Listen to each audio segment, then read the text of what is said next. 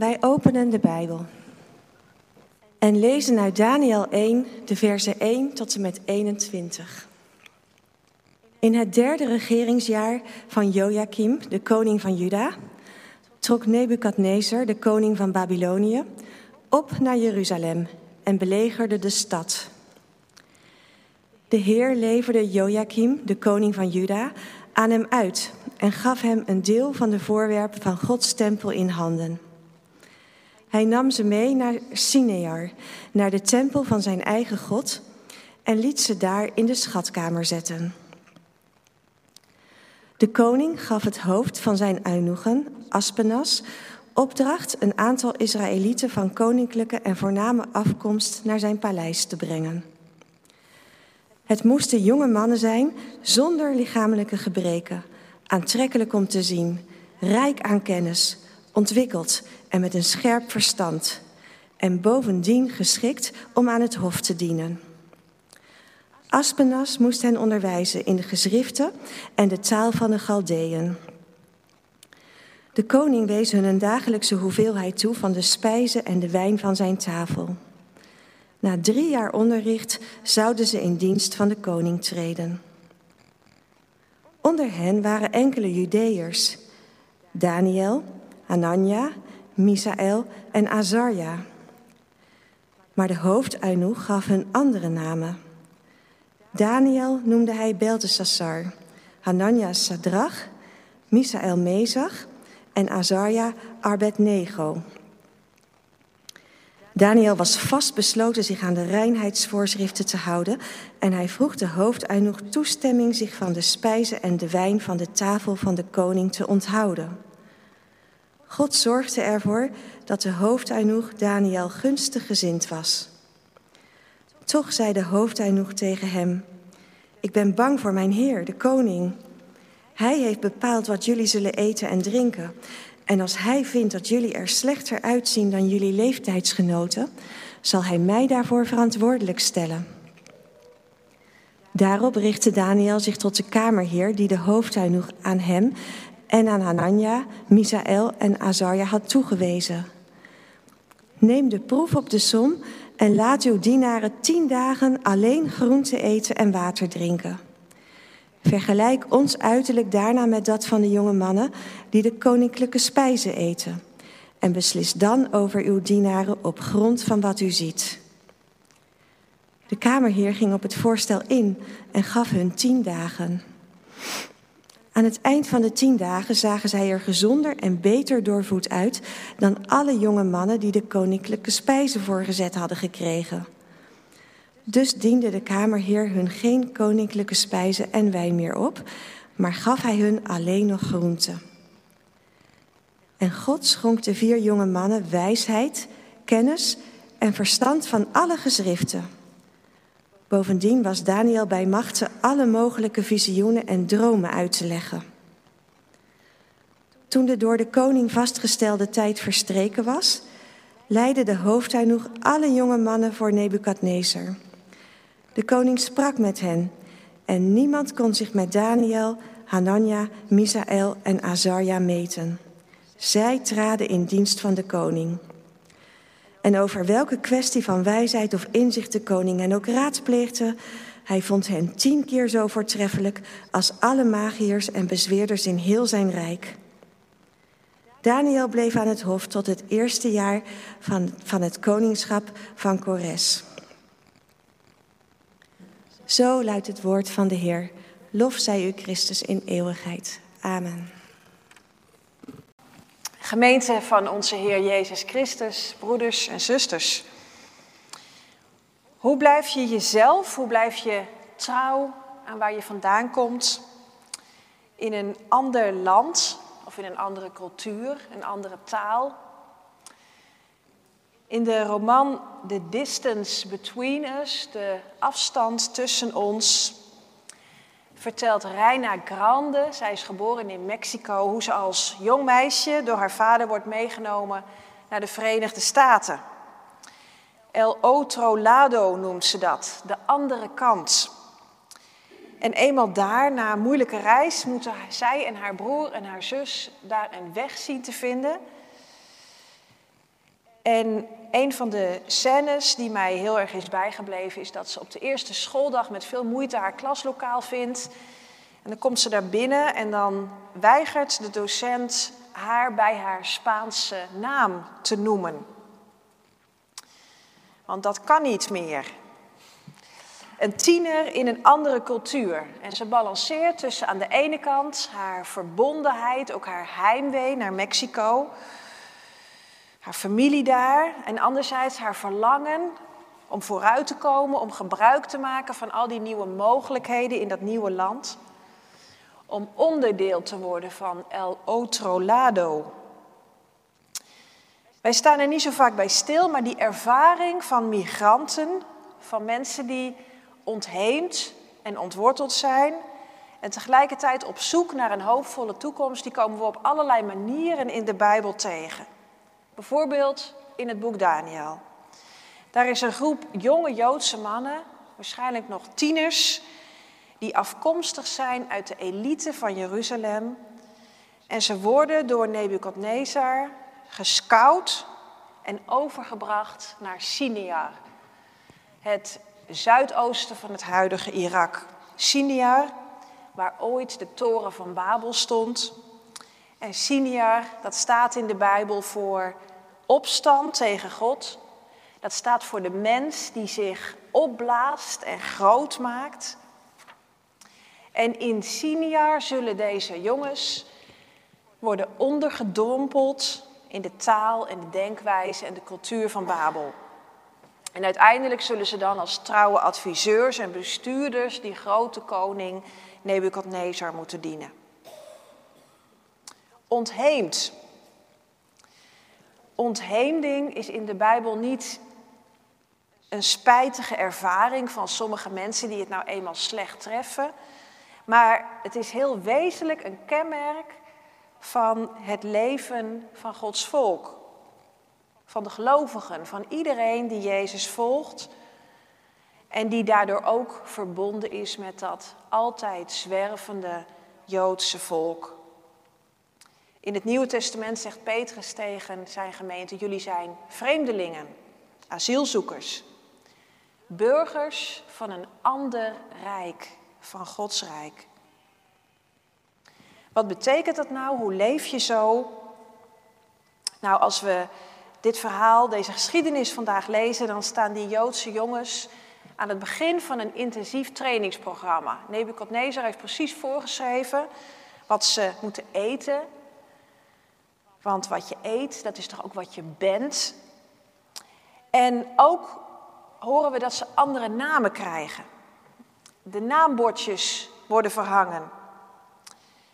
In hun Joodse namen hoor je Ja, Yahweh, de eeuwige, de naam van God. Ook wel Eel, God. Hij is het centrum van hun leven. Maar nu krijgen ze nieuwe namen en daarin horen we Bel. Dat verwijst naar Marduk, de hoofdgod van Babel, en Nego. En dat zijn de machten waar ze nu, die het nu voor het zeggen hebben. De tempelschatten uit de tempel, die zijn aan deze Marduk gegeven, in zijn tempel tentoongesteld. En deze jongens worden nu ook aan hem gewijd. In namen en in de taal kom je op het spoor wat ergens in een samenleving echt belangrijk is. Wat de machten zijn die ons beheersen. Hoogleraar Beatrice de Graaf vertelde laatst dat ze onderzoek had gedaan naar het gebruik van het woord veiligheid. Ze zei, ja, dat is een woord wat je nu heel veel hoort, maar als je kijkt, 50 jaar geleden in kranten, wat politici zeiden, dat werd helemaal niet gebruikt. Toen ging het over recht en over orde. Veiligheid, dat is zo'n woord, een taal, als je dat maar vaak genoeg noemt, dan heeft dat ook invloed. Als dat de hoogste norm wordt, veiligheid, waar alles aan moet voldoen, dan wordt niet meer getolereerd dat we kwetsbare mensen zijn, dat er dingen misgaan en dat er kwaad is. Misschien als we vandaag de dag willen weten wat Babel is, wat de machten zijn die onze gedachten bezet houden, misschien wel zonder dat we er erg in hebben, dan zouden we ook eens moeten luisteren naar de woorden die het vaakst klinken, die ons in hun greep houden. Er zijn er een heleboel bijgekomen de laatste maanden. Besmettingscurve, protocol, sociale distantie, in control zijn. De taal van Babel, de namen van Babel. En dat heeft iets heel ongrijpbaars, iets heel alomtegenwoordigs. En het brengt dan de vraag naar boven, de vraag van Israël: hoe blijven wij overeind? Hoe blijven wij trouw aan de eeuwige? Hoe voorkomen we dat we ondergaan in die zee van volken als klein volkje van God? In die taal, in die machten die het daarvoor het zeggen hebben.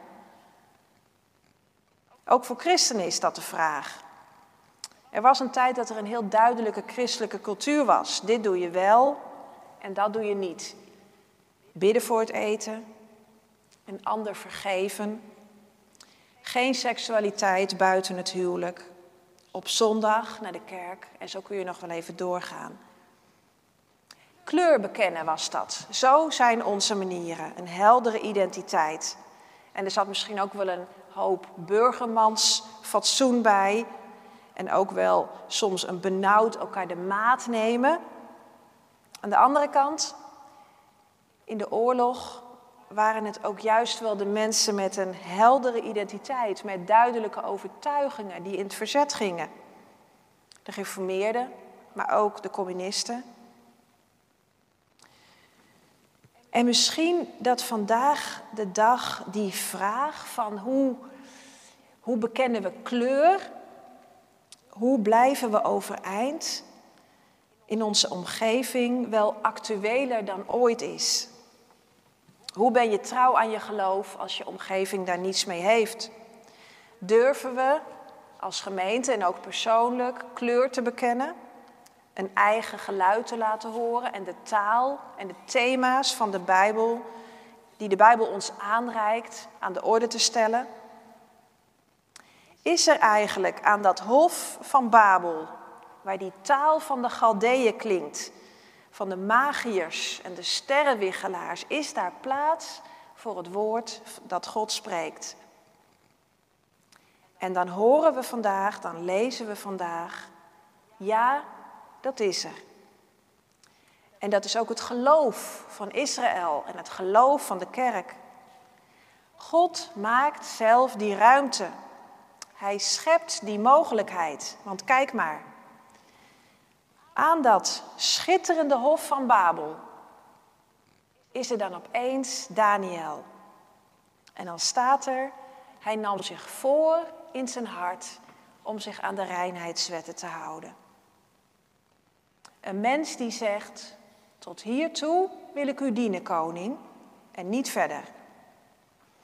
Opeens merken we hier iets van grenzen, van menselijkheid dus ook in een omgeving waar de macht van de koning tot aan de hemel reikt. Altijd lezen we in de Bijbel, is er weer die ene die op durft te staan. Geloof, overtuiging, dat opeens heel praktisch wordt. En tegelijkertijd gaat het hier niet om de enkeling. Ook alsof het een soort van held of ja, een soort heldendom zou zijn. Van moet je kijken, ja, dit, dit is dan iets en daar kan ik zelf helemaal niet aan tippen. Als ik denk aan mijn eigen werkomgeving, mijn vrienden ehm, en dan zo'n Daniel.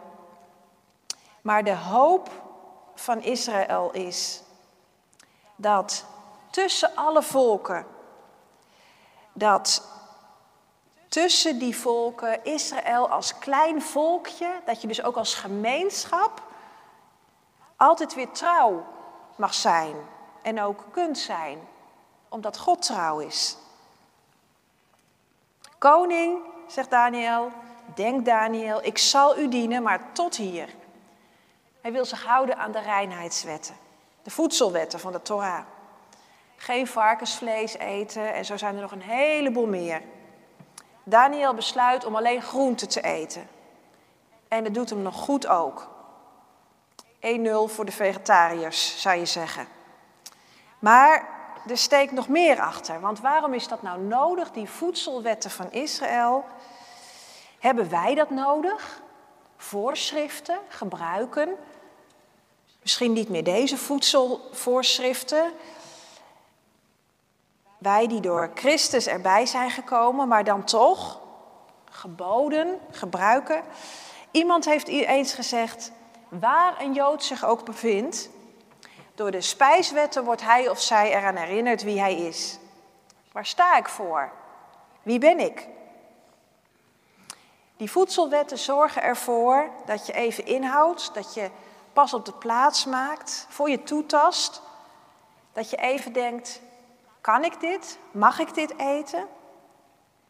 Of in een andere context, kan ik mee, kan ik, wil ik, mag ik meepraten op deze manier, nu dit gesprek hier zo gevoerd wordt, nu er zo over een ander wordt gepraat? Dat mag je zeker niet van je geloof, krijgen onze tieners wel eens te horen. En daar klinkt voor mijn gevoel ook een zekere minachting in.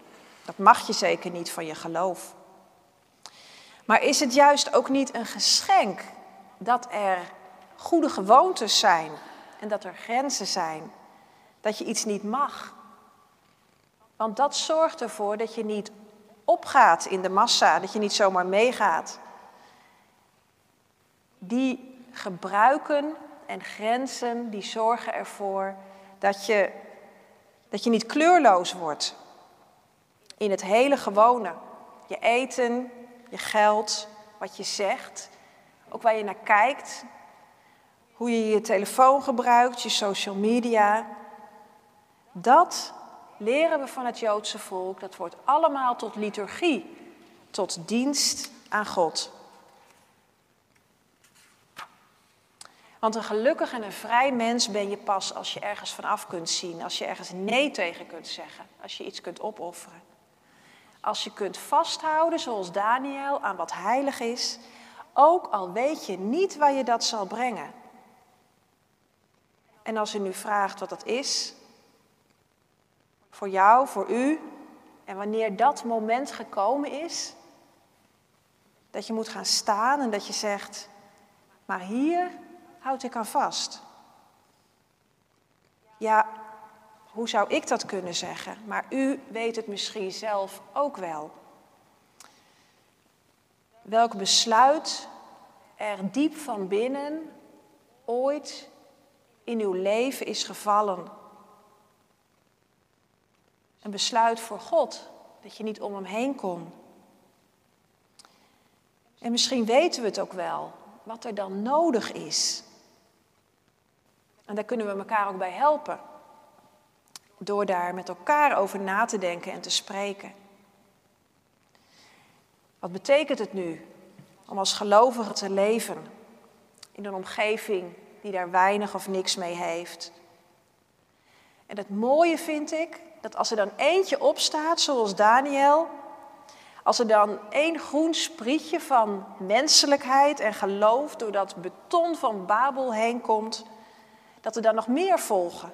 Sadrach en Mezach en Abednego, die worden op de een of andere manier ook aangestoken of meegenomen door Daniel. Als iemand zegt, ja, maar dit, dit is belangrijk voor mij en hier sta ik voor, dan nodig dat anderen ook uit. Dan geeft dat ook ruimte. En tegelijkertijd voel je soms toch ook van binnen hoe moeilijk, hoe moeilijk het is om je aan dat woord van de Heer te houden. Terugkijkend op de lockdown zei iemand: Ik voelde me wel erg op mezelf teruggeworpen als het gaat om geloof. De kerk en de gemeenschap daar en dat je daar samen bent op zondagmorgen, dat versterkt mijn geloof. Dat zet me ook op de een of andere manier weer in positie voor de rest van de week. En nu merkte ik dat ik nog veel meer zelf keuzes moest maken. Gaan we naar de dienst kijken of gaan we fietsen omdat het mooi weer is? En bid ik eigenlijk nog? En Daniel nam zich voor in zijn hart. Een vast voornemen. Vandaag beginnen we aan een nieuw kerkelijk seizoen. Met vaste, mooie, goede voornemens voor onze gemeente. En ik hoop ook dat u persoonlijk die maakt. En tegelijk zijn onze voornemens vaak zo wankel. Het is goed dat je ze hebt. En tegelijkertijd laat je ze ook zomaar weer los. Laten we daar ook voor bidden. Heer, houd ons vast in uw voornemen dat u met ons voltooien zult wat u begonnen bent. Dat we zullen zijn wat u voor ogen heeft.